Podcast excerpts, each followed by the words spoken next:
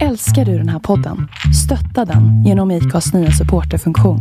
Det är helt upp till dig hur mycket du vill bidra med och det finns ingen bindningstid. Klicka på länken i poddbeskrivningen för att visa din uppskattning och stötta podden. I'm Sandra, and I'm just the professional your small business was looking for. But you didn't hire me because you didn't use LinkedIn jobs. LinkedIn has professionals you can't find anywhere else, including those who aren't actively looking for a new job but might be open to the perfect role, like me. In a given month, over 70% of LinkedIn users don't visit other leading job sites. So if you're not looking on LinkedIn, you'll miss out on great candidates like Sandra. Start hiring professionals like a professional. Post your free job on linkedin.com/achieve slash achieve today. Life is full of what ifs. Some awesome, like what if AI could fold your laundry? And some, well, less awesome, like what if you have unexpected medical costs? United Healthcare can help get you covered with Health Protector Guard fixed indemnity insurance plans. They supplement your primary plan to help you manage out of pocket costs. No deductibles, no enrollment periods, and especially no more what ifs. Visit uh1.com to find the Health Protector Guard plan for you.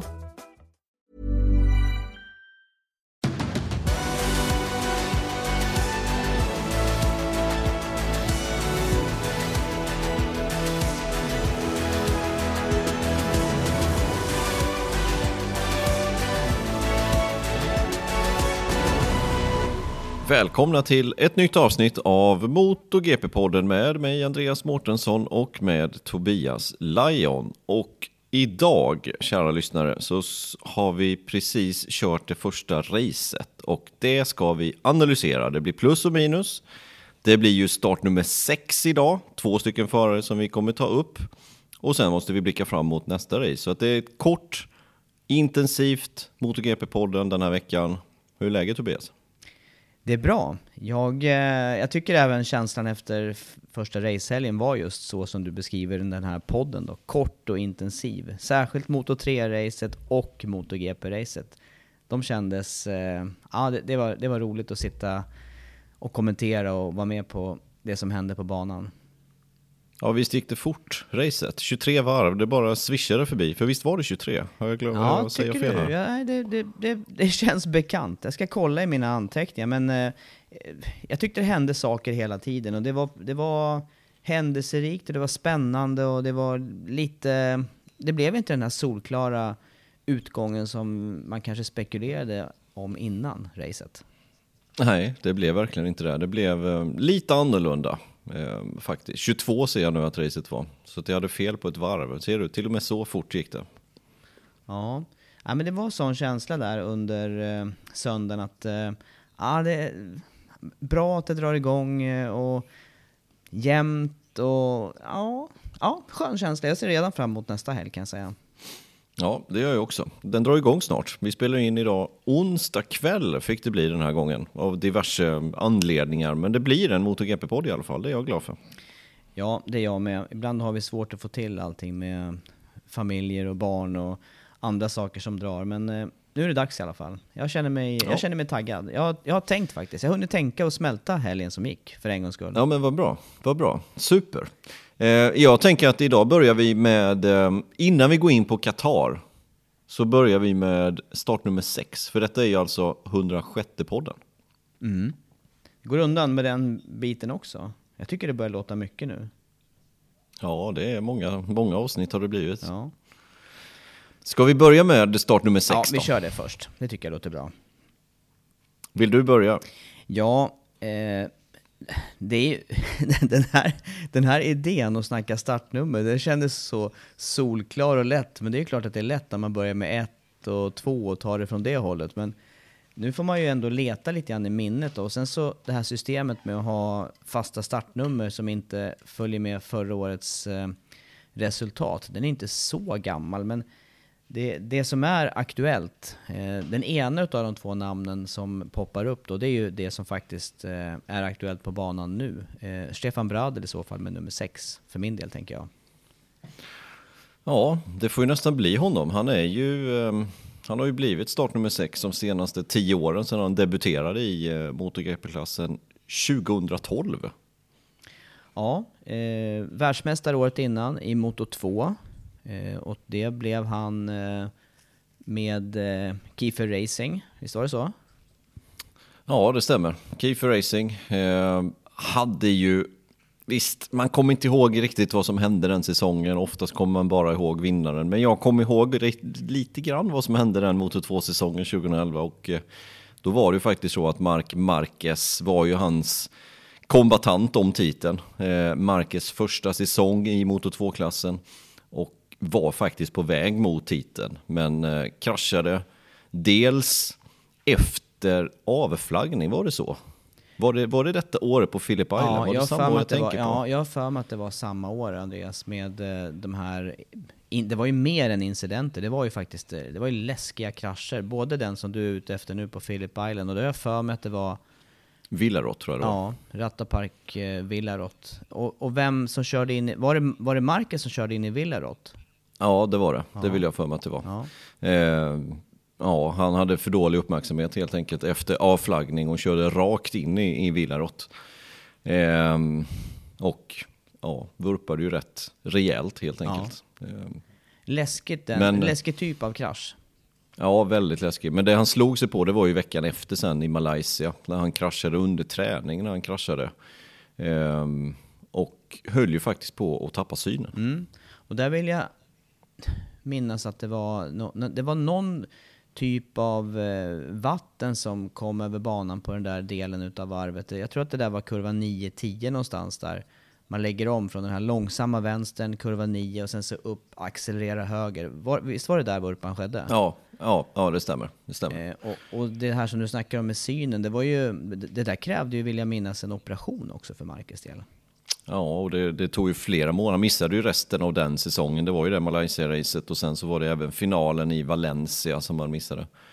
Ehm, och få komma in då på det vi pratade om, Bradel, han vann ju den säsongen där och, och, hade ju lite lättare då i och med att Marcus inte var, var med. Nej. Nej, det är märkligt man snackar Mark Marcus när vi nu ska ta Bradel, men, men det är ju precis det som sitter kvar i mitt minne också. För eh, Bradel var stark inledningsvis på säsongen, men sen var det Marcus som tog över och tuggade in och på något vis, ja, hade inte de där grejerna som vi nämnde nu skett, då, då tror jag inte att Bradel hade haft ett, eh, en VM-titel. Nej, det tror inte jag heller. Det tror inte jag heller. Men han tog i alla fall VM-titeln och det är det som står kvar i historieböckerna. Och sen, vi ska ju komma ihåg att han var ganska vass i 125 VM också. Han har faktiskt en fjärde plats i VM där om vi backar tillbaka till 2008. Så att han har ju ändå, han har ändå kommit högt i respektive klass, eh, får man ju säga. Ja, verkligen. Och var ju nära också en eh, seger i eh, MotoGP på Laguna Seca. Han startade i pole position, men ja, det, det räckte inte hela vägen där. Och visst var det så när vi pratade Marcus att det var han som, som snöt han på segern, var det inte så? Jo, det var, det, det, det, det sitter inte helt klart för mig, men det var inte heller helt, eh, det, det var ingen solklar seger. Jag har för mig som du säger att Bradel fightades emot rätt rejält i det racet. Ja, det gjorde han. Eh, riktigt hårt eh, fightade och startade även från pole position. Men eh, till slut så var det ju då Marquez som, eh, som tog hem segern där när han körde för Repsol Honda då första året, 2013. Ja. Men alltså ingen, eh, ingen seger för Bradel i stora klassen och det är väl det då som, som eh, gör att han ändå är lite anonym för många. Han har ju inte så många topplaceringar eller segrar. Eh, det var några där i början på säsongen 2011 när han blev världsmästare men ja, han har funnits med där uppe men inte varit den här absoluta toppföraren för min del. Nej, jag håller med. Sju segrar i karriären har det blivit och de tre bästa åren som han hade i MotoGP det var just för med LCR Honda nu. Då var han ju som bäst om man nu får säga så och kanske just det 2013 egentligen när han då startade pole och slutade två i racet Laguna Seca. På något sätt måste det vara höjdpunkten förutom hans VM-titel såklart. Då. Sen om vi ska ta lite mer aktuella saker så tycker jag han gjorde det väldigt bra förra året ändå. Inte inledningsvis men åtminstone ja, de tre, fyra, fem sista racen tycker jag att han var riktigt vass faktiskt om man tar med hans mått mätt. Ja, ja, ja. men eh, och finalen där, eh, Portugal, sexa eller vad blev han där till slut? Eh, nu tar jag bara ur minnet så att nu... Men det var åtminstone ett, ett riktigt godkänt resultat. Men sen då en annan sak som poppar upp på näthinnan för mig, det är ju också Visst var det Bradel som stod på startlinjen på Sachsenring när alla andra var inne och, och bytte och han var i princip själv kvar där med, han hade rätt däck men de fick ju inte till torrinställningar, eller hur var det? Nej, ja det stämmer. Och det var ju just under LCR-tiden. Det måste ha varit 2014 där du far efter på Saxering. Det var lite så halvt om halvt och det blev ju kaosartad start för de absolut flesta ifrån pitlane. Men, men eh, Brade stod kvar på griden och um, han hade ju bytt till rätt däck men hade fel sättning så han blev ju, ja, han blev ju kappkörd och omkörd och slutade ju ingen, inte speciellt bra till till slut även fast det såg bra i första varven. Såg det bra ut. Ja, det var synd. Alltså, det kändes som att han hade gjort, han hade gjort det mesta rätt men som sagt de hade inte fått till den där sista, de där sista inställningen eller gått tillbaka till torrinställningar. Nej, nej exakt. Nej men, eh, nej men det är väl bra det lite och det är inte så lätt heller att komma in som testförare och sen bli ordinarie förare i Repsol Honda. Det, vilken, vilken chans eller vilken eh, kul grej om man nu får säga så också. Att det, att det blir så för honom. Från att arbeta med tysk tv och vara runt på MotoGP-racen till att vara MotoGP-förare igen då. Så att, ja, han har funnits i, i MotoGP-sammanhang eh, väldigt länge egentligen. Det var ju LCR Honda, sen blev det ju Aprilia ett tag. Över till Honda igen och det var ju när han körde ju ett år i Superbike-VM också 2017 utan någon större framgång egentligen och sen ja, tillbaka till MotoGP. Ja. Nej, men jag tycker också det är roligt, det, som du säger här förra säsongen, då fick han på något vis, eh, det blev ju nästan som en comeback för hans del och han, eh, tycker jag, i och med att han tog sig så bra resultatmässigt så måste det kännas ganska bra för hans egen del också, hans eget ego, att känna att ja, men jag, jag fixar med att åka i, i topp 10 och, och till och med lite bättre när det funkar som det ska. Ja, ja faktiskt. Ja, nej men eh, han kommer nog få gå tillbaka. När Mark Marquez kommer tillbaka så blir han ju testförare återigen. Och, ja. Ja. Ja, jag, har inte, jag har inte mycket att fylla på där på, på Bradel i övrigt. Jo, vi kan ju nämna en sak till. Han är ju eh, son till Helmut Bradel och han var ju faktiskt eh, en förare som jag såg live när jag var yngre och tittade på race. Så att det är en sån eh, far och son-konstellation, en av några. Det finns ju några far-son-konstellationer och några bröder också som lyckas. Men eh, däremot blir jag osäker nu om Helmut Bradel tog någon VM-titel. Men jag, ja, åtminstone så var han ju en av de absoluta toppförarna i eh, 250. Var det där före din tid Andreas? Ja, det är före min tid, så jag kan inte riktigt slå dig på fingrarna där. Nej. Tyvärr. Ja, vi behöver inte gå in på det, men far-son-konstellation i alla fall. Ja. Ska vi ta nästa sexa då? Ja, gör det. Har du tänkt på ytterligare en? Ja, men jag har tänkt på en till. Och eh, då tänker jag mig att eh, i, detta, i denna föraren så ska vi prata lite om racingen i det landet som han kommer ifrån. Och jag pratar om Cameron Boubier som har gjort comeback nu i GP-sammanhang i Moto 2 med startnummer 6 för American Racing och tog ju över Joe Roberts styrning där i det teamet då till den här säsongen. Och eh, Bobier, för, för er som inte känner till honom, så körde han ju Red Bull Rookies Cup eh, i slutet på 00-talet, 2000, vad kan det ha varit, 2008? Ja, tror jag det var. ja, men det verkar, för vi snackade om det här tror jag i sändning här, att han åkte 125 VM sen i team med Marquez och det var 2009 så att ja, jag skulle också säga 2008 där på Red Bull Rookies. Ja. 2008 där, 2009 sen då i, i team med Mark Marquez. Gick inget jättebra för honom den säsongen. Eh, tog bara tre poäng och sen eh, åkte han ju ur det där teamet och då försvann han ju till, till amerikanska mästerskapen istället. Och det är ju där vi egentligen känner honom, ja, från och med nu egentligen då med fem titlar. 15, 16, 18, 19, 20 eh, i amerikanska Superbike för Yamaha. Mm. Ja, och vi var ju faktiskt på plats i USA och såg eh, vi såg ju två race till och med. Vi hade ju tur att hinna både Road Atlanta och sen eh, kikade vi ju även under vår GP-helg där på Austin där de också körde. Så att det var ju två deltävlingar och han tillhörde ju och till han, han klev ju ifrån en toppstyrning och en, eh, en absolut eh, favoritposition i det mästerskapet. Jag tycker det är ganska kaxigt att kliva över och tillbaka till VM-sammanhang och till en sån klass som är så jämn som Moto 2 just nu. Ja, verkligen. Det är, det, det är inga pengar inblandat att gå till Moto 2 utan det, här, det som det handlar om är ju hans personliga ego egentligen, utmaningen som det innebär att gå från amerikanska Superbike till Moto 2. Det är inget lätt steg att ta. Banorna i, i USA är till stor del väldigt olika de som man tävlar på här. Och dessutom då tävla mot förare som som är vana vid de här banorna, som har kört på de här banorna, kanske då från motor 3 eller 125 och sen vidare upp i motor 2. Det, det är inte lätt. Ehm, jag vet inte hur många gånger han har varit i Qatar till exempel. Bobier, han har säkert varit där några gånger. Men, men återigen, de andra förare han kör mot har ju kört där 5, 6, 7, 8 gånger. Ja. Nej, imponerande. Och man kan ju också vända på steken där. Vi har ju, vi har ju också exempel på förare som har lyckats i USA eh, som kommer från GP-sammanhang. Jag tänker närmast på, på Tony Elias här de senaste åren. Och han, eh, det var imponerande i sig, som du säger, med att lyckas eh, med den framgången i USA. För att eh, det var ju någonting vi snackade om och som slogen där, just Road Atlanta, det kändes ju som att backa tillbaka till en eh, brittisk bana på 80-talet säkerhetsmässigt kanske. Ja, det är, det är helt annorlunda där faktiskt eh, säkerhetsmässigt. Och, eh, vad var dina känslor när vi var där på Road Atlanta själva serien då, om vi, om vi tar den då? Som nu drivs av Wayne Rainey, ska vi tillägga. Ja, men framförallt får vi ju... Eh, ja, när, när de hade sina storhetsdagar, det mästerskapet där, AMA då som det hette innan Moto America, då var det ju, då var ju eh, både Honda, Suzuki, Kawasaki, alla hade ju fabriksteam där.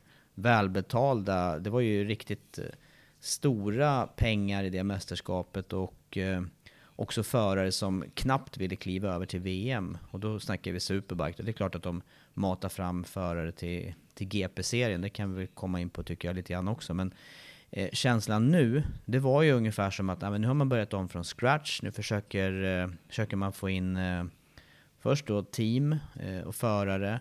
Och sen vet jag att de har jobbat mycket med såklart tv-bolag och täckning för att sända mästerskapet. Eh, racingmässigt tycker jag bra, men det är ju en liten toppgrupp där som har bra grejer. Så att det går ju att dra segraren utifrån, eh, ja, vad ska man säga, de tre största teamen kanske. I alla fall så var känslan när vi var där. Och sen så tyckte jag att det var ganska tomt därefter och där fick jag också lite sån här flashback till kanske nationellt mästerskap utan så stora resurser. Så, det, så ja. var känslan i depån i alla fall. Ja, precis. Jag har exakt samma känsla. Toppen var väldigt, väldigt tunn men spetsig. Eh, Bobier till exempel och Elias, det är ju bra förare, inget snack om saken.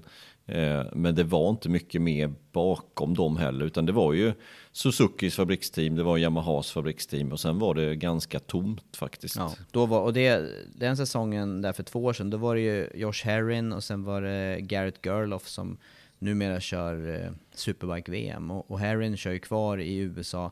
Han har ju varit och testat Moto 2 tillsammans med eh, Caterham då, med Stigefelt. Eh, ja, men, körde han inte team med Sarko? Jo, han gjorde det. Och det, det lyckades ju inte alls den, den säsongen. Nej, det gjorde han inte. Jag har för mig att han gick över faktiskt till BMW förra året. Att han kör BMW nu där borta. Ja, det stämmer. Han bytte märke där. Stämmer. Yes. Och um, i år ska ju Loris Bass över och köra Ducati. Um, ska han köra på denna säsongen och uh, Tony Elias verkar som att han, han har ju klivit av Suzuki-styrningen och troligtvis kommer han nog inte köra alls utan han lägger nog hjälmen på hyllan efter förra året som inte blev någon bra säsong heller för hans del. Fyra mästerskapet slutade till slut. Ja. Nej, men jag, jag, tycker att eh, det var känslan av mästerskapet. Jag hoppas att man får till, eh, jag hoppas att man får till ett mästerskap med, med flera stora team då. För att eh, som du säger där, en, en toppen då som verkar fungera internationellt. Men sen har vi den där äh, haken då med banorna som, som skiljer sig så mycket då från, från europeiska eller från, från VM-banorna. Så att där kan det bli lite krock. Men sen vill jag backa ännu mer och, och tänka tillbaka på hur det var under 500-tiden, då var det ju, de bara sprutade ut toppstjärnor ifrån USA. Då, då, det är ju så långt tillbaka som Kenny Roberts och, och Freddie Spencer, men sen är det även i modern tid också, eller modernare tid. Det finns ju flera namn där. Ja, det finns ju många som helst tänkte jag säga, men det finns ju några till med Lawson, Rainey, Swans eh, och alla de vi har nämnt nu är ju världsmästare minst en gång. Ja. Eh, och sen har vi ju Mamola då som vi hyllade här för någon månad sedan då, start nummer två. Eh, som inte tog någon titel då, men som blev tvåa fyra gånger var det väl. Ja. Men jag vet inte Så det är klart att de har vaskat fram bra namn genom tiderna, men det, det känns som att serien har ju gått ner. Den fick ett liten uppryckning med mot America när Wayne Rainey började engagera sig i själva serien, men behöver ta ytterligare några kliv. Eh, som sagt, när vi var där för, för två år sedan, då var det fyra stycken som hade någonting med det att göra egentligen. Och sen var det någon privat, jag tror det var Matthew Schultz eller någonting sånt där, som, som kunde vara med och slåss lite grann. Men, men annars var det väldigt, väldigt tunt. Och eh, man vill ju se ett jämnt mästerskap. Och det är ju frågan då, vad, vad reglemente återigen. Eh, jag tror ju inte på sådana här supertrimmade motorcyklar i nationella serier. Jag tror att det ska vara så mycket standard som möjligt. För att kanske få bredare, eh, vad heter det, förarbredd eller eh, upptagning och, och att fler ska ha möjlighet att åka och sen kan man vaska fram de bästa chaufförerna istället, eller? Ja, ja, jag tycker det är billigare så att man får större startfält Ja. och det tycker jag generellt sett inom nationell racing att man ska gå den vägen. För, för, för en, eh, ja, lägga en halv miljon på en cykel som man nästan gör i, i nationella serier idag tycker jag är alldeles för mycket pengar om man ska, om man ska ha någon framtid i, i serierna. Men den diskussionen kan vi ta en annan gång. Men tillägga ska ju också efter 2019 där, då drog sig ju Yoshimura ur den här Suzuki-styrningen så förra året var ju första året då utan Yoshimura. Ja. De var ju väldigt sammanlinkade i amerikansk racing innan dess. Ja. Vi måste nämna ett namn till där, eh, Nicky Hayden, eh, också från amerikanska Superbike. Och eh, dessutom det som jag vill också koppla ihop med de här tidiga namnen, alla de namnen har ju någon slags bakgrund på, på jordbana också. Eh, så att det var ju också på den tiden när elektroniken var obefintlig när det gäller att sköta sladdandet, utan då satt ju allting verkligen i känslan i, i högerhanden. Och, och ja, nu ser vi ju samtidigt hur de, den senaste generationen börjar träna jordbana igen, trots nu att det finns elektroniska hjälpmedel. Men, men på den tiden med 500 där, då var det ju både saknades elektronik och eh, ja, däckmässigt vet jag inte hur man, om det ens går att jämföra på samma, samma veckodag. Nej, nej. Matt Mladin var ju het också där i början på 00-talet. Ja. Men han, var väl, han är väl australiensare, var det Ja, så? han är australiensare och nu är han inte lika het längre. Jag har för mig att han har gjort helt fel saker i Ja, privatlivet. han, har, han har kommit snett Ja, på något sätt. men han var, jag han var riktigt het som du säger i, eh, i mästerskapet där. Jag vet inte om han tog 6-7 titlar och, var, han var ju den högst betalda faktiskt. Ja, och betalning där, jag hörde ett rykte faktiskt, eller ganska trovärdiga källor, att Tony Elias där under 2019 års säsong, där vi var där och tittade, tjänade ungefär en miljon dollar för den säsongen. Det är ju bra. Det är bra betalt. Bra ja, det är bra betalt. betalt med tanke på hur serien såg ut. Så är det väldigt bra betalt, måste jag säga. Ja. Eh, och tar vi förra året då, vann ju som vi har sagt. Och det är han vi pratar om egentligen, med startnummer 6 då som man har i Moto 2. Och förra året så var det 20 race. Han eh, vann 16 av dem. Bröt två utav dem. Och blev trea i ett och tvåa i det sista. Ganska dominant seger helt enkelt. Ja. Vad säger du om hans inledning här då? Inledningsracet i Qatar. Han eh, Ja, körde upp sig jättebra. rejält ifrån... Han stod ju, han stod ju utanför topp 20 har jag för mig i start. Ja, eh, jag tycker det är jättebra faktiskt. Han slutade 11 till slut och ehm, jag tycker det är helt, helt okej okay inledning. Ehm, men som sagt, han, han är ju inte nöjd där såklart, utan han vill ju uppåt. Eh, men han kommer få ge det här ett tag. Det är ingenting som han kommer bara att gå och vinna några race här nu helt plötsligt, utan det kommer ta ett tag innan han får visa sin eh, fulla potential. Men jag tycker ändå det var ett steg i rätt riktning. Sen får vi se då hur det funkar med det här teamet, American Racing, som gör sin andra säsong nu. Kalix chassi. För tre år sedan så körde de ju med Joe Roberts och KTM chassi. Och det, är ju, det var ju därför som Roberts egentligen hopp, Joe Roberts hoppade av den här styrningen. För det var ju ett annars perfekt styrning, amerikanskt team, amerikanare som han själv är. Eh, men han ville till ett mer erfaret team och gick ju till Italtrans istället då, där Bastianini körde. Just för att de har mer data på banorna flera år tillbaka. Och det var det som hindrade honom, tyckte han under förra året. att Det var första året med det teamet, med det märket. Eh, och det var svårt att hitta rätt inställningar på alla banor. När det prickade rätt, då gick det bra. När de inte gjorde det så gick det dåligt. Så att, ja, vi får väl se då om de har lärt sig någonting av fjolårssäsongen med Roberts nu då in till Bobiers säsong. Ja. Start nummer sex i alla fall, och då får vi se. Då, I och med att Bradel är testförare så kan det ju vara så att om Bobier gör eh, en, två bra säsonger och har möjlighet att klättra, det måste ju ändå vara hans yttersta mål tänker jag. Då kanske vi får se nummer sex vidare här i startfältet, och även om man skulle byta klass. Ja, inte omöjligt. Ja. Selling a little or a lot? Shopify helps you do your thing however you cha-ching. Shopify is the global commerce platform that helps you sell at every stage of your business. From the launch your online shop stage to the first real life store stage, all the way to the did we just hit a million orders stage. Shopify is there to help you grow. Shopify helps you turn browsers into buyers with the internet's best converting checkout. 36% better on average compared to other leading commerce platforms because businesses that grow grow with Shopify. Get a $1 per month trial period at Shopify.com slash work. Shopify.com slash work. Ryan Reynolds here from Mint Mobile. With the price of just about everything going up during inflation, we thought we'd bring our prices down. So to help us, we brought in a reverse auctioneer, which is apparently a thing.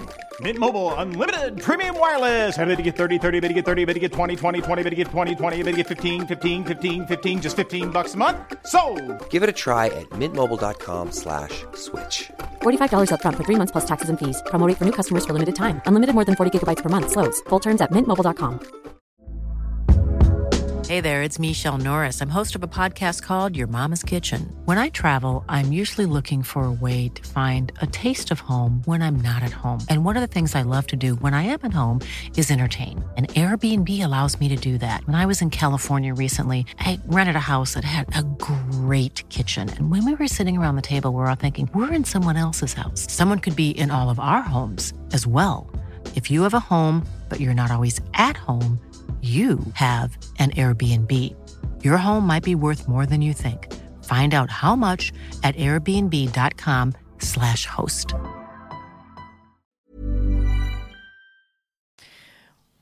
Vill du eh, tillägga något på nummer sex? Nej, det vill jag inte. Nu vill jag gå in på helgen som var och köra lite plus och minus. Då gör vi det tycker jag. Ja, ska jag ta det första plusset? Det tycker jag att du gör. Så ska vi se om Jag jag har tänkt samma. För här har vi inte, sam här har vi inte snackat oss samman så mycket. Här har vi däremot eh, tänkt lite på varsitt håll. Ja, exakt. Men eh, förra året så var det ju med en dåres envishet som jag tippade den här föraren på pallen nästan varenda gång. Och så gick starten och sen så såg man att det var ju kört. Det blev ingen pallplats den gången heller. Men den här gången så prickade Vinales helt rätt. Men hade du, är- hade du prickat honom i tippningen? Nej, nej, nej, nej, jag la ju ner det till slut. Med en dåres envishet så, så har jag alltid tippat honom. Men jag la ju ner det till slut.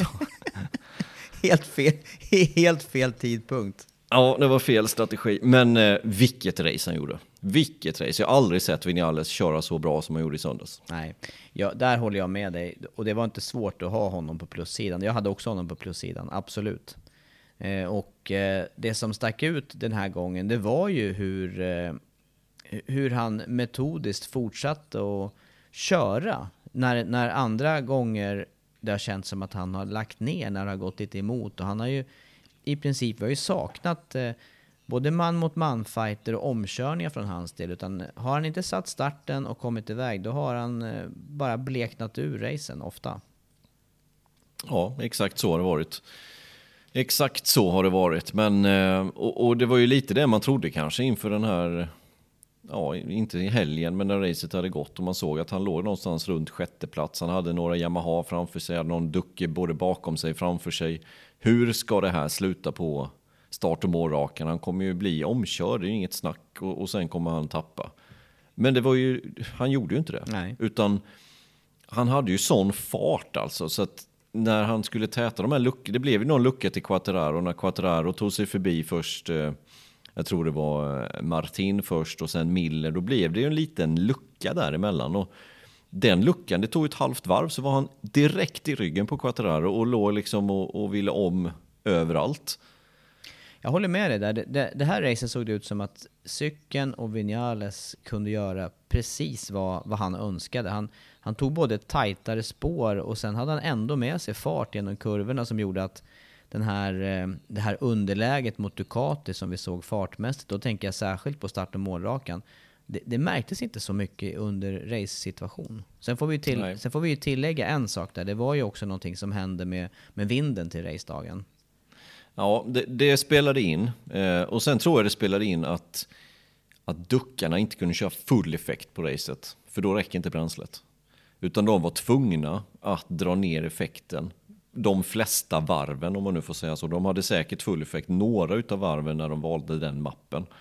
Eh, som till exempel slutvarven och inledningsvarven och sådana här saker. Men just i mitten av racet när Vinales var het där så tror jag att de var tvungna att inte gå för fullt helt enkelt utan fick välja en lite snålare mapp vilket då påverkar, vind, eller påverkar toppfarten. Men även det med vinden som du säger där. Och, och vi ser ju också på framskärmen till exempel då som på Yamaha där de har jobbat stenhårt med att få mindre luftmotstånd på raksträckan. Och det gav ju uppenbarligen nytta för att de kunde inte ta sig förbi på det sättet eh, som man hade förväntat sig. För, för Yamaha gick jättebra ut på start och målraken, bra traction och så höll han emot. Ja. Och, och, det här märktes ju, förutom där, så var det ju, det var ju också det som gjorde att det var möjlighet för, för Vinales att attackera på flera ställen på banan, just det här med att ha sån kurvhastighet. Och han dök tight in i kurva 6 och i kurva 10 flera gånger och bara lita på grejerna fullt ut. Ja, det, är verkligen, det verkligen stämde. Det var en förvandling mot vad vi såg honom förra året. Riktig förvandling. Och då bommade han ändå starten som han har tränat här nu med 2000 starter senaste testdagarna. Ja, det var kanske det märkligaste. Så bommade han den. Ja, ja, det var, det var inget vidare alls. Nej, nej, nej, han bommade den totalt där. Och Ja, jag kommer inte ihåg var han var inne i första sväng, men det var någonstans, ja det var nog sexa. Det var ju fyra duckor först och sen var det Quattararo och sen... Ja, men jag undrar om man inte var, jag ska inte säga att jag minns exakt, men jag undrar om man inte var någon eller ett par platser ännu längre ner som sämst. Men i vilket fall, många omkörningar under racet som han eh, ja. som har haft problem med innan. Ja, men vad är det som gör att han får den här förvandlingen? Alltså, ska vi komma, detta var ett race. Och, och ehm, varför har han fått den här förvandlingen? Men det du och jag har pratat om, det är ju hans eh, förändring i privatlivet. Giftermål, vänta barn, det är en sak som faktiskt kan ta fokus från det här med racing som, som eh, för många på den här nivån är det enda. Eh, och har man någonting som balanserar upp det här, det enda, så kanske det inte blir lika eh, alltså talang har ju, det har ju alla här i toppen. Det, det, jag skulle säga att skillnaderna mellan förarna på den här nivån, det sitter ju oftast mellan öronen. Det är, det, det är, det är inte så mycket mer som, som gör det. Och då har du vissa saker som ställer till det. Och i det här fallet, då tänker jag att kanske, ja, vi diskuterade ju innan här i vinter, hur ska det här ta vägen? Kan gå åt båda hållen. Och för Vinales del, första racehelgen, så såg det ju absolut positivt ut. Ja, ja det gjorde det man ska inte dra för stora växlar. Detta är ett race och vi kan mycket väl vara tillbaka till gamla vanliga Vinales nästa race. Eh, men på något sätt så måste vi bedöma det han gjorde i söndags. Och, och eh, jag tror det också. Jag tror dels den förändringen tror jag är viktig. Eh, sen ska vi komma ihåg att han, hans kommentar efter det här racet tycker jag var lite oroväckande ändå. För att han sa att ja, efter andra, tredje svängen på första varvet så kände jag direkt att vilken potential det fanns i cykeln då, känner jag, då, då tänker jag så här, okej, okay, om man inte visste det förrän då, då ligger han lite risigt till. För att då innebär det att temperaturen, luftfuktigheten och vinden var perfekt för hans del den här gången. Och om det är så känsligt för hans del om man ska känna det där eller inte så, så innebär det att fem grader varmare, kallare, lite mindre vind, lite mer vind kan ställa till det för honom.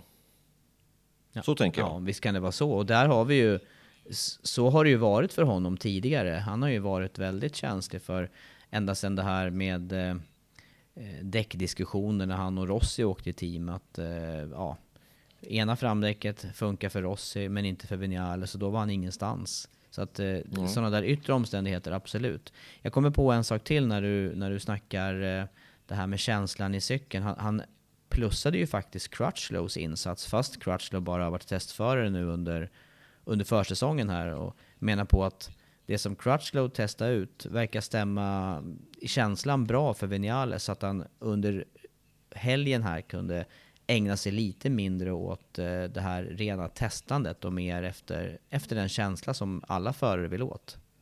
Ja, och där har jag en teori till faktiskt när vi pratar om just den saken. Att jag tror att det är ett lyft för Vinales att Rossi har lämnat. För nu kan Så Vinales välja spår mer. Ja, exakt. För vi, vi, vi har ju hört det att de två har väldigt olika input till Yamaha. Eh, och även Quartararo och Morbidelli har haft annorlunda input än vad Rossi har haft. Rossi har stått ut lite och haft sin input och haft sina problem med traction och slita mycket däck bak. Det har vi hört från honom nu i två säsonger egentligen. Vilket inte riktigt stämmer in på till exempel Vinales. Så är de två fabriksförare, då vill ju Vinales givetvis att ju fler som lyssnar på honom, desto bättre är det. Quattararo har kommit in istället. Crutchlow säger samma sak. Då kommer de gå mer på Vinales linje. Och jag tror faktiskt det är redan det som har hänt nu, att de går tillbaka med chassi som är mer likt det som Morbidelli körde.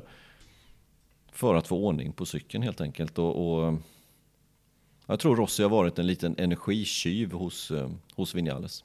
Ja, mycket möjligt. Där har vi faktiskt några faktorer som kan spela in då i, i positiv riktning för Vinales den här första racehelgen. Får vi se då om vi får eh, kvitto på det om ett par dagar bara. Det vet vi ju inte. Nej, vi vet det är inte ju det. Nej, eh, Men väldigt stark insats. ja, det, det Stort plus. Stort fett plus. Ja. Det är skönt Ja, att kunna sätta det, äntligen. på honom. Ja, han har alltid varit på andra sidan, men den här gången så riktigt bra. Och jag, som sagt, jag har aldrig sett Vinales så bra som han var i söndags. Nej. Ska jag dra någon minus då? Kör! Eh, vi håller ju på med Yamaha här och eh, Vinales lyckades extremt bra. Quartararo gick ju också helt okej. Inte, inte Quartararo bra, men, men det han gjorde bra tycker jag, det var ju att han eh, Eh, i alla fall inte förivra sig, utan han tog sina poäng där och överkörde inte. Utan, och, det, och det gjorde jag några gånger under fjolåret. Men däremot Petronas-cyklarna, både med Rossi som du är inne på, men också Morbidelli. Vad hände för dem? Där, där måste det ju bli ett minus för, för teamet, eller för resultaten åtminstone. Ja, verkligen. Man hade ju mycket större förväntningar på båda utav dem egentligen. Rossi startar fyra. Eh, trodde man ändå kunde vara med och blanda sig i eh, tätfighten och kanske till och med slåss med både Vinales och Quartararo. Det gjorde han inte. Han slutade 12 Rossi, eh, 10 sekunder efter. Och det får inte riktigt anses godkänt tycker jag. Han, han hade en liten incident där med, eh, var det Binder som han hade en liten incident med in i kurva 1, något utav varven. Men han hade inte farten helt enkelt Rossi. Och det var vi inne på lite när vi pratade om Vinales. Han, han gnällde ju på problem med dåligt fäste bak helt enkelt. Att däcken svimmar av alldeles för tidigt. Och, och det är ju någonting som, som vi har hört ifrån Yamaha-förare och kanske Rossi i synnerhet de senaste säsongerna. Mm. Och, han var lite tveksam. Det här kvalresultatet var ju, det stack ut i positiv riktning för honom. Han var ju faktiskt lite tveksam under helgen till sin egen kapacitet över race-distans men ja, hittade inte hela vägen fram tydligen då. Det såg vi på racet. Men, Ja, men de här, det måste han komma till rätta med tillsammans med teamet. Annars så ser det ut att vara problem vidare där också för hans del. Ja, det gör det. det, gör det. Men riktigt bra kvalposition. Det, det lovade ju väldigt, väldigt gott när han låg. Fick det här varvet bakom eh, Banjaya. Körde grymt bra på kvalet alltså. Men eh, ja, det räckte inte hela, racet, hela vägen eh, under racet. Och sen har vi ju Morbidelli då som hade problem med sin eh, ja, sänkanordning, startanordningen helt enkelt. Som sedan hängde i då hela racet. Någonting med stötdämparen då som, som krånglade. Ja, och det, han tappade ju någon sekund eller liknande per varv. Ja, Eh, och hamnade långt ner. Han blev inte bättre än 18. Han var hela, ja hela och hela, han, ungefär en sekund per varv. Han var nästan 24 sekunder efter i mål. Ja, exakt. Och eh, var väldigt kritisk mot Yamaha faktiskt det här efteråt i sina uttalanden och tyckte att Yamaha får ta tag i detta nu och hoppades att de skulle göra det och lät inte så förtroendeingivande faktiskt. Så att han, han gav en känga till, till Yamaha och eh, ja, det fick mig att börja fundera. Vad tänkte du på? Han var inte så hoppfull att de skulle göra någonting där eller? Nej, han lät väldigt kritisk faktiskt mot Yamaha. Ehm, och jag tror att det, det kan nog ha grundat sig lite i att han blir tvåa förra året i mästerskapet, men han sitter fortfarande på den sämsta maskinen. Att de inte lyckades på något sätt att skaka fram en till fullfabrikare till honom. Eh, och, och, sen tänkte jag också vad det, vad det kan leda. Nu är det väldigt, väldiga spe, spekulationer här och alldeles för tidigt igen egentligen. Men, men det, då är du först då? Jag tror att han sitter på en, en uh, satellit Suzuki nästa år. Ja. Inte, låter inte helt otroligt faktiskt. Eh, Nej, och sen om det är i Rossis team eller om det är i Petronas, vem vet? Nej. Nej men just det här, eh, för jämförelsen där med eh, KTM som i princip har samma specifikation på alla sina fyra cyklar. Eh, Ducati likaså, fabriksteamet och Pramac och även har ju Honda det till i år. Så att det är ju Yamaha som sticker ut där med, med en cykel som är lite sämre specifikationer på, eller äldre eller hur man nu ska säga. Ja, exakt. Och, ehm, ja, vi pratade om det inför säsongen eh, och vi pratade med det med Johan att det, det inte behöver inte betyda negativt. Förra året var det positivt men återigen, jag, jag får den lilla känslan nu. Nu är det här liksom andra säsongen som man kör med någonting som inte ens var nytt förra året. Eh, visst, allting utvecklas under säsongen och det kommer nya prylar men ja, till slut hamnar man på efterkälken. Det går inte att köra med hur gammalt som helst för att det ska fungera. Även om det är beprövat. Nej, och sen det här med startanordningen, om det var den som strulade nu, det, ja, det, så, sånt får ju inte ske tycker jag. Det, det där ligger ju utanför, helt utanför förarens kontroll och sån teknik ska ju, ska ju bara funka tycker jag. Ja, det ska bara funka. Ja. Så att, eh, nej, tråkigt för Morbidelli som, eh, som ändå körde bra under träningarna och visade absolut kvaliteter och kunde vara med och, och ta en pallplats. Jo, men han jobbar ju vidare på ungefär samma strategi som förra året där, att han eh, jobbar ju hela helgen egentligen på att, eh, på att hitta inställningar som är hållbara för racedistans. Ja. Ja, det hade varit, det, vi får hoppas, för, honom, för hans del får vi hoppas på en bättre helg, den som kommer. Får jag lägga på en plussida? Ja, kör. Jag tycker hälften av eh, Ducke-gänget ska ha plus. Och, det innebär en förare från respektive team där. Och då blir ju det självklart Sarko som var tvåa, det blir Banjaya som var trea och sen även Bastianini då som slutade, vad slutade han till slut? Han blev tia till slut. Tia, ja. ja. Topp 10 under 10 sekunder i sitt första MotoGP-race. Ja, snyggt kört av hela den, eh, hela den ligan där. Alltså halva besättningen i respektive team. Det var ändå lite, det var ändå lite märkligt resultat. Men det, det var, visst såg det ut så lite grann förra året också Andreas? Att eh, det, var, det var sällan samma som lyckades och det var sällan ett helt team som lyckades. Ja, faktiskt när du säger det så, så var det så. Eh, jag vill lägga till också, vi måste ju lägga till Martins start. ja, den alltså, kan den var ju helt sjuk. Den var ju alltså. magisk. Det kanske var det. Ska vi lägga till något på plussidan, då måste han nämnas där också, det håller jag med om. Ja, det måste han. Vilken start han gjorde. Sen tappade han då ner till 15 men uh, i vilket fall, vilken start. Alltså, jag har aldrig sett något på maken, alltså vilken, uh, vilken igångsättning. Ja, jag har, sett en, jag har sett en sån start. Lorenzo i Austin ett år. Ja, just det. Ja, jo, men den var bra. Men, det, men... problemet var ju att de röda lamporna hade ju inte ens tändas innan han drog. Nej, precis. Så jag fattar inte. För honom var det lugnt. Det såg ut som att det hade släckts. Han var uppe i kurv 1 när resten startade. Ja, herregud. Ja, det var en miss. Nej, men det, var, det är som du säger, jag trodde inte det var sant när man såg Martin komma skjutandes där på insidan ner mot kurva 1. Ja, nej, det, det, gjorde han bra. Men äh, åter till de som du nämnde där, Sarko alltså på en andra plats och såg ju faktiskt hetare ut än Banjaya i slutet av racen, men ja, däcken svimmade lite de absolut sista varven. Banjaya kunde ta ikapp den här lilla luckan och var inte långt ifrån faktiskt att Banjaya kom ifatt och om heller Sarko på, på mållinjen. Banjaya som gör det väldigt bra. Ja. Pole position. Eh, leder racet inledningsvis. Men eh, ja, lyckades inte riktigt knyta ihop säcken till slut. Men ändå en, en helt okej okay inledning tycker jag för Banjaje. Ja visst var det det. Eh, och eh, na, eh, utifrån... Eh, ja, det kanske, du har ju ganska stora, eller hade ju ganska stora förväntningar på honom inför säsongen där. Och börja med en pallplats måste ändå vara, som du säger, okej. Okay. Men då är det kanske Sarko och Bastianini då som är eh, lite större utropstecken på plussidan egentligen. Ja, men det, lite så är det faktiskt. Eh, Banjaya förväntade jag mig ändå att han skulle kunna vara med. För hans högsta nivå visade han förra året, den är riktigt, riktigt hög. Men eh, av olika anledningar så fick han inte till det under förra året. Och sen är det, vi ska komma ihåg att det här är, är det bara hans andra säsong eller är det hans tredje säsong i MotoGP? Ja, jag tappar bort mig lite grann där. Jag tänker att ja, det kan vara...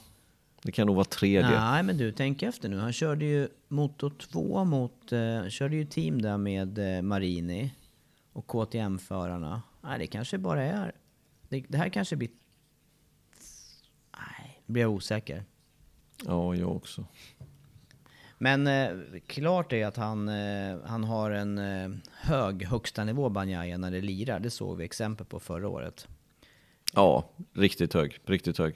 Nej, men han, har kört, han körde 19 och 20, så detta är tredje säsongen. Ja. Men i, i vilket fall så har vi pratat om det tidigare också, att det kan ha varit ett år för tidigt för hans del att komma in i fabriksteamet. För, för det var ju inte tanken från början. De hade ju hoppats på att Dovi skulle stanna.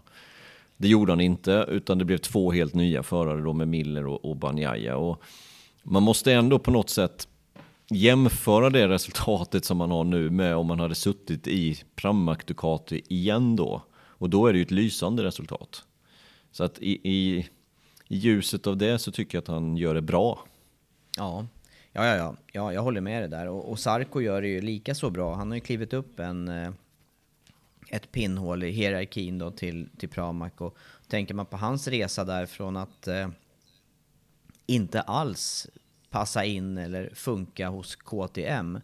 Från att nästan ha haft eh, segervittring var och varannan helg i Tech Trois med Yamaha och sen då vandra igenom fabrikat, ersätta hos Honda och hoppa in i Ducati. Och, ja, det, det är en speciell resa han har gjort som kanske har stärkt honom den här perioden. Och fortsätter han på det här viset som han har börjat nu, då, då kan han bli ett hot mot fabriksförarna tror jag.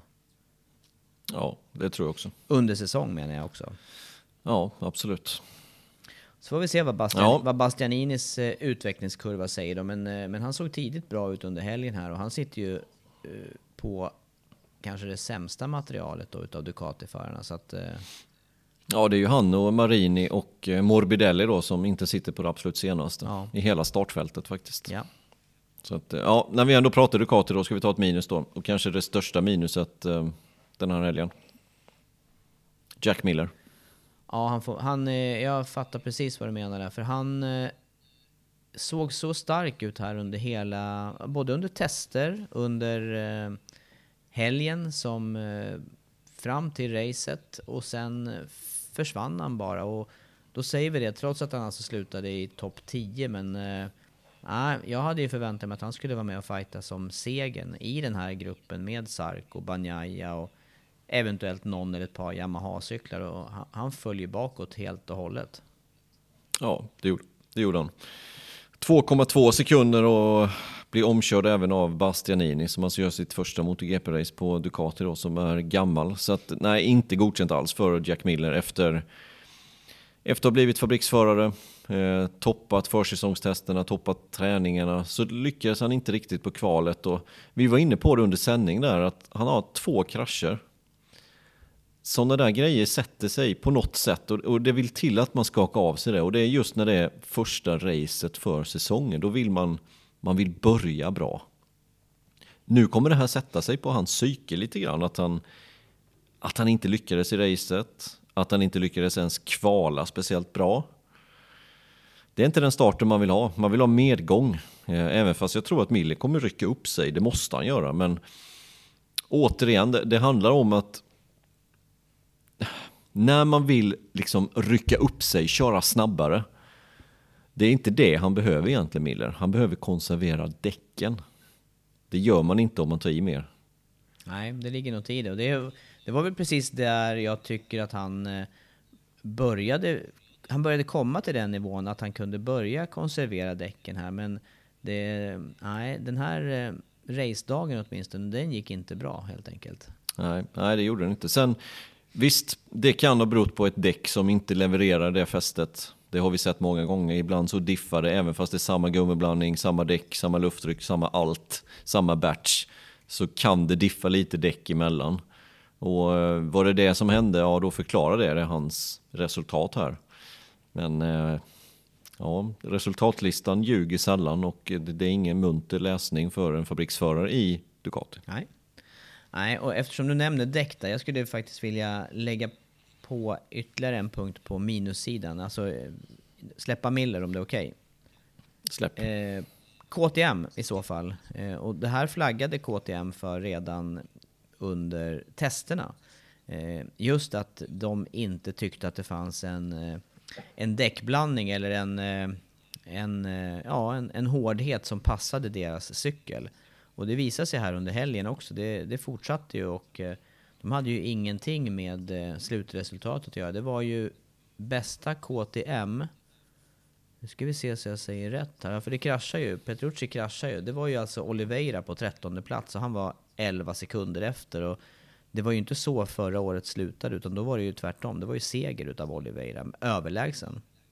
Ja, nej men det, det sa ju alla KTM-förare att det beror på däcken helt enkelt. Framdäcket som, eh, som var för mjukt och de tyckte inte om att köra på det mjuka däcket. När det var varmare ute då kunde de köra på medium och hårt och det fungerade betydligt bättre. Så att det här sa de eh, sa de att de redan kunde se då efter förstagångstesten att det här funkar inte det här däcket. Vi vill ha ett annat typ av framdäck. För det, mju det mjuka framdäcket som vi måste köra för att det fungerar minst dåligt.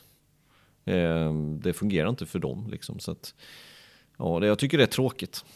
Ja, på, no på något sätt så blir det som att då, då tar ju däcken ut, då är det de, de som fäller avgörandet här och redan innan. Så att kan, går att tänka på något annat sätt då från eh, antingen gällande reglementet eller hur eh, Michelin tillverkar sina däck. Vi har ju en, vi har ju i alla fall efterlyst för vårt arbetes skull att kunna veta exakt vilka däck som, eh, som finns till respektive helg. För de här är ju relativa till varandra. Vi ser ju i grafiken, där ser vi ju mjukt, medium, hårt.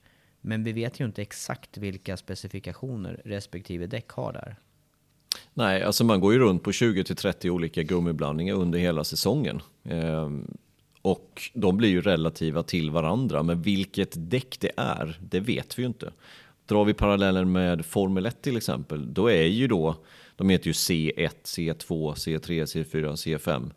Då är det det däcket. Då vet man vilket däck det är och sen har de tre gummiblandningar av de fem som som Pirelli i det läget väljer ut och sen kör man på dem. Eh, och här är det ju att man väljer tre olika däck också som Michelin väljer ut. Eh, och sen kör man på dem. Men vilket däck det är, det vet vi ju inte.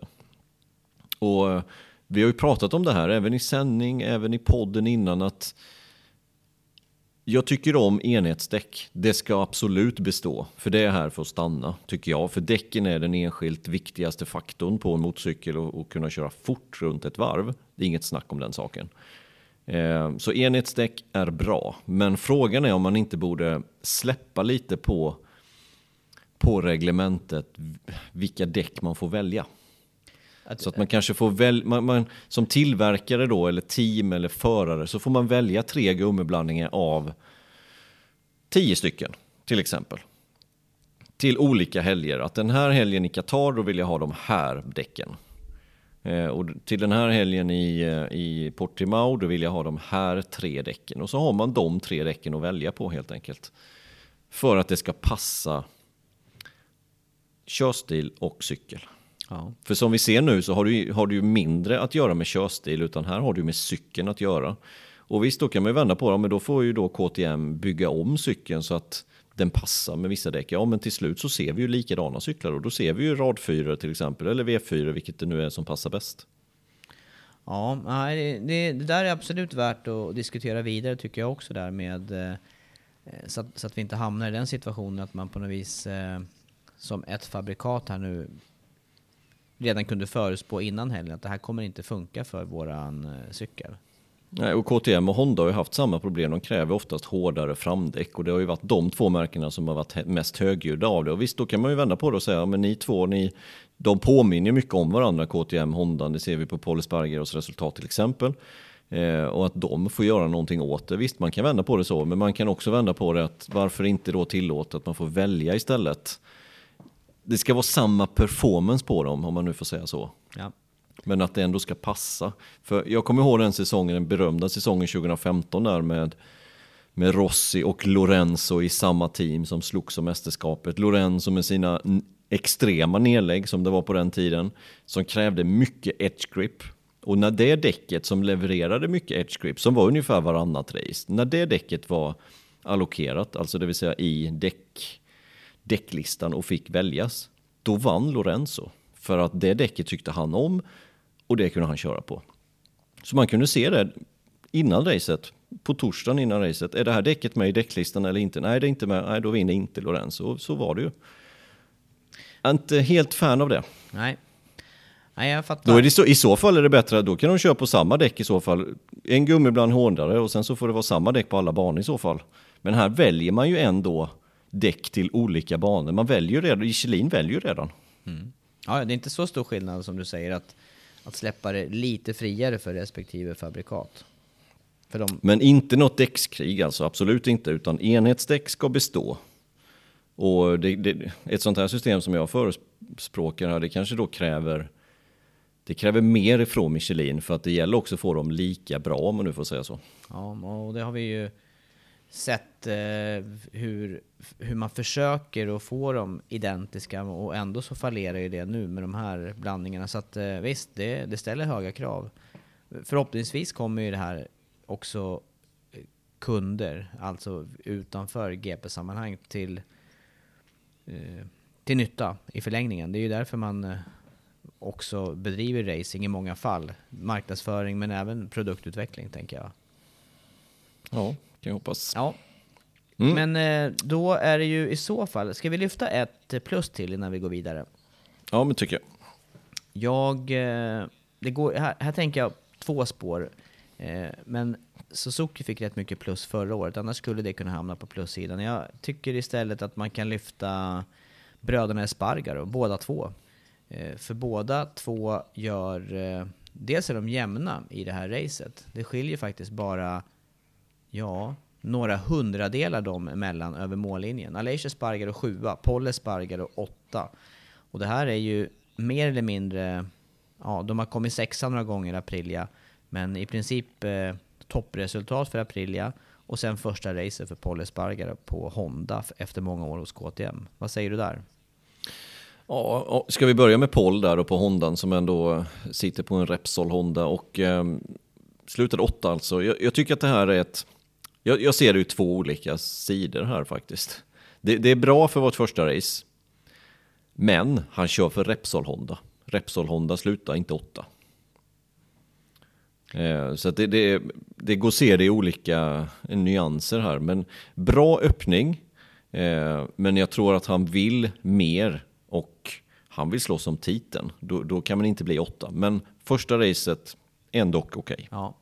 Han slutar alltså, vad blir det här nu, sex, mindre än sex sekunder ifrån segraren. Men eh, visst, en, en, eh, ett toppen plus hade ju varit eh, en pallplats såklart. Ja, det hade varit. Det hade varit. Men, men, men lite grann med, med fjolåret i åtanke där, när man egentligen då efter att ha tappat Mark Marquez och skadan där så var det ju väldigt tomt på Honda-resultat. Och då gäller ju det även Nakagami och Alex Marquez. Så vi får ju ändå säga att han är, han är bästa Honda över mållinjen den här racet. Eh, ja, det är ju. Eh, både Marquez och Nakagami eh, kraschade ju dessutom. Så att, eh, de är inte ens med i resultatlistan. Utan det är ju Bradel då på en elfte plats. Eh, Bradel som var 10,3 sekunder efter i mål. Paul Espargaro då alltså 6 sekunder. Så att en, en bra öppning för Espargaro, men kanske inte mer än så. Nej. För Paul. Men för Aleix däremot så tycker jag ändå att de visar att Aprilian fungerar. Åtminstone på den här banan. Nu har de testat mycket där. Han slutar också då 6 sekunder eller 5,9 sekunder efter. Eh, jag tycker också det är en bra öppning och jämför man det då med hans teamkamrat. Hans teamkamrat blir ju sist då, Lorenzo Savadori. 46 sekunder efter. Han är alltså 23 sekunder efter den som är näst sist och det är ju Morbidelli.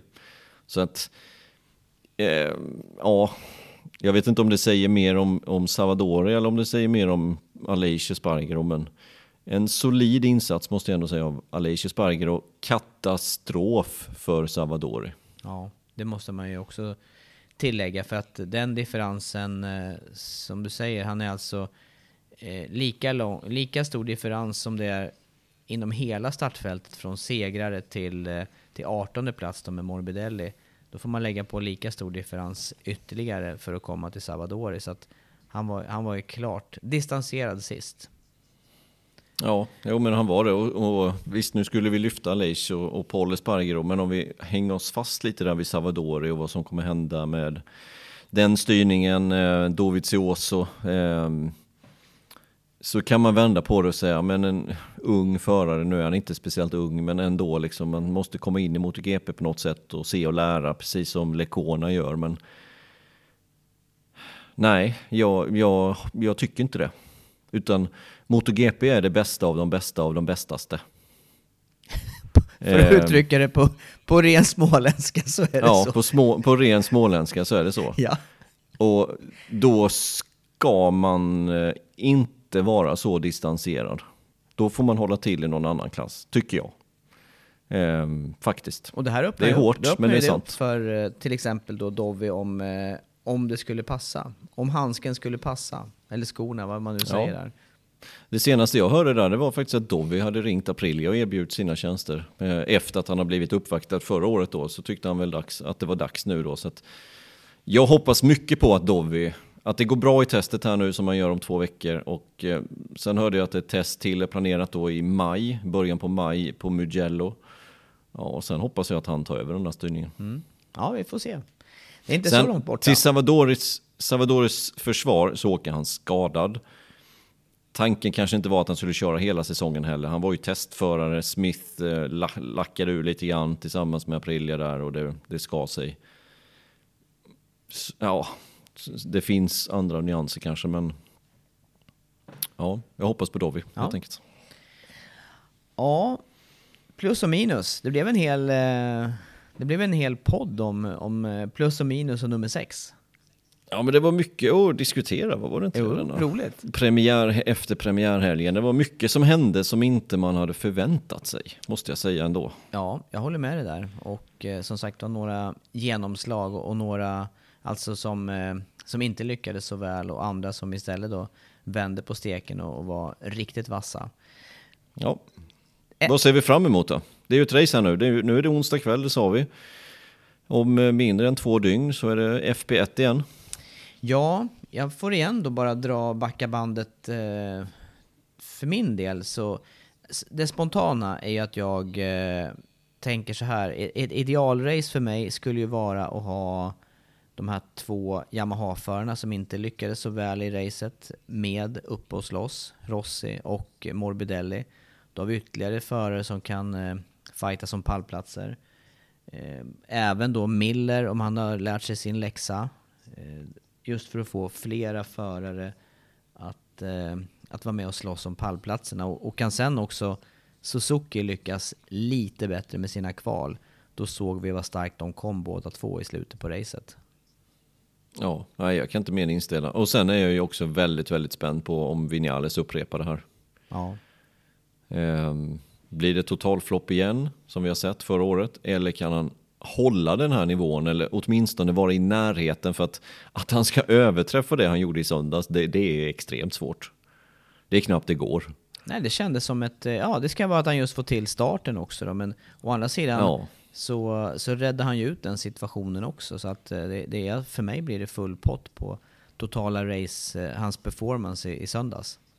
Ja, och frågan är om man kan eh, upprepa det eller åtminstone vara i närheten av det. För då ser han ju verkligen ut som en titelkandidat om man kan det. Nu är detta en bana, vi vet, det blir helt annorlunda när vi kommer till europeiska banor. Men en, en sån här bana för Yamaha, det är inte den bästa. Även fast de har vunnit där några gånger så är det inte den bästa. Nej men vi vet också vad sån här, du var inne på det tidigare, hur en eh, säsongsinledning i, i Millers stil då kan släpa efter i skallen och nu lite medvind, maximala poäng också. Eh, Får man med sig poäng här så såg vi ju förra året att det var jämnt mästerskap ända in mot eh, finalhelgerna så att det är också viktiga poäng med den här typen av race som Vinales gör. Ja, och sen tror jag det, det är viktigt, dels som du säger, det är viktigt för hans självförtroende och alltihopa, men jag tror det är viktigt också hans position i Yamaha alltså. Eh, Lin Jarvis där såg ju inte lika förvånad ut som du och jag, men nästinpå och imponerad över hans performance och kan han hålla i det ett race till. Ja, vem kommer de lyssna på när vi kommer till Europa sen? Det är ju inget snack. Nej, nej, och plus då erfarenheten som man har. Så att, eh, nej, det, det är fördel Vinales i det stallet just nu. Men sen tänker jag även på det här att se fram emot. Eh, jag vet ju att du... Nej förresten, nu blir jag osäker. Vad var, vad, du var inte så positiv till de här dubbelhelgerna förra året? Nej, nej det var jag inte. Och jag, jag är inte det denna gången heller om jag ska vara helt ärlig. Jag har sett nog av sanden i Qatar. Men eh, nu får man köpa läget, så nu är det som det är. Ehm, och det brukar ju gå lite snabbare. Ja, tittar man på racetider, jag tittade faktiskt på några utav de här dubbelhelgerna. Jerez skilde inte så mycket, det var bara någon sekund. Men sen varefter säsongen gick, och framförallt då eh, Aragon, Valencia där, där skilde det 7 respektive 15 sekunder på totala racetiderna. Så att det gick snabbare. Eh, inte samma namn var det inte på pallen, men däremot eh, inledande dubbelhelgen Geresta var det ju Quartararo, Vinales 1-2. Eh, och sen blev det lite variation där. Men vi såg ju också det, vad de här eh, dubbelhelgerna gav för de fabrikat med minst data. Så att, eh, ja, det, det, det, är lite speciellt här när det varit fyra dagars test. Annars skulle man ju då kunna tänka sig att eh, KTM eller ännu, ännu mer tydligt Aprilia då som har mycket nytt, att de skulle kunna komma ännu närmare täten medan det är svårare att kapa tid för de etablerade teamen. Så tänker mm. jag. Ja, ja, så kan det vara. Jag tror inte heller det kommer gå jättemycket snabbare faktiskt. Eh, vinden verkar inte ha ställt till det överdrivet mycket heller. Även fast vi såg att det blåste faktiskt ganska rejält. Men det blev ju ett nytt, eh, nytt rekord dessutom. Så eh, ja, eh, jag vet inte vad jag ska förvänta mig riktigt heller eh, faktiskt. Eh, jag tror inte att det kommer gå så mycket snabbare helt enkelt, utan jag tror det kommer hålla sig där. Som du säger, de som har lite mindre erfarenhet och rookiesarna till exempel. Eh, Aprilia, ja, kanske kan lyfta sig lite. Kanske Polly Sparger också kan lyfta sig lite. Det är, som sagt, han gick från fyra testdagar till fyra testdagar plus tre racedagar, eller ja, ett race då det är klart att det är ju betydligt eh, mer träning. Mm. Ja, nej, men så ska man se positiva förväntningar så är det just det här att eh, få upp eh, flera förare som kan vara med och slåss om, om race-seger. det finns ju potential för det, helt klart. Men det var ju... Ja, ja, ja. Det räcker med att Miller tar sig samman. Till exempel. Ja. Så ska ju han vara där uppe också och slåss om seger. Ja. Nej, så det är framförallt det. Ja, nej. Något annat tänker jag inte på just eh, inför eh, kommande helg annat än att samla lite ny kraft och lite ny energi inför eh, tre ytterligare dagar då i eh, studion, eller i eh, kommentatorsitt. Ja, ja. V-sport Motor är det, krockar inte med Formel 1 den här helgen, utan vi är i våran huvudkanal om nu får säga så. Racet startar ju som vanligt 19.00, uppsnack 18.25 på söndag. Mm. Träningstiderna har jag inte i huvudet riktigt, men runt två kanske? Ja, det låter rimligt. FB1. Eftermiddags, eftermiddagsträningar i alla fall i svensk tid. Ja, ja, så är det. Och som vanligt, tack, stort tack till alla som stöttar podden. Det är, jag ser att det är många som går in och lägger ett bidrag. Det är jätteuppskattat. Och nu blev det en podd, även fast den är två dagar för sen den här podden, så blev det en podd i alla fall. Det är jag, det är jag glad över. Mm. Men stort tack till alla er som stöttar podden. Vill man göra det så gör man det via patreon.com MotoGP-podden eller via Acast supporterfunktion.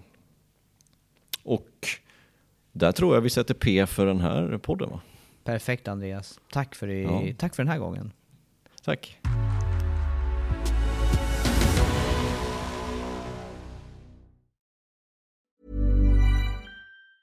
Planning for your next trip? Elevate your travel style with Quince. Quince has all the jet setting essentials you'll want for your next getaway, like European linen, premium luggage options, buttery soft Italian leather bags, and so much more And it's all priced at 50 to 80% less than similar brands. Plus, Quince only works with factories that use safe and ethical manufacturing practices. Pack your bags with high-quality essentials you'll be wearing for vacations to come with Quince. Go to quince.com slash trip for free shipping and 365-day returns.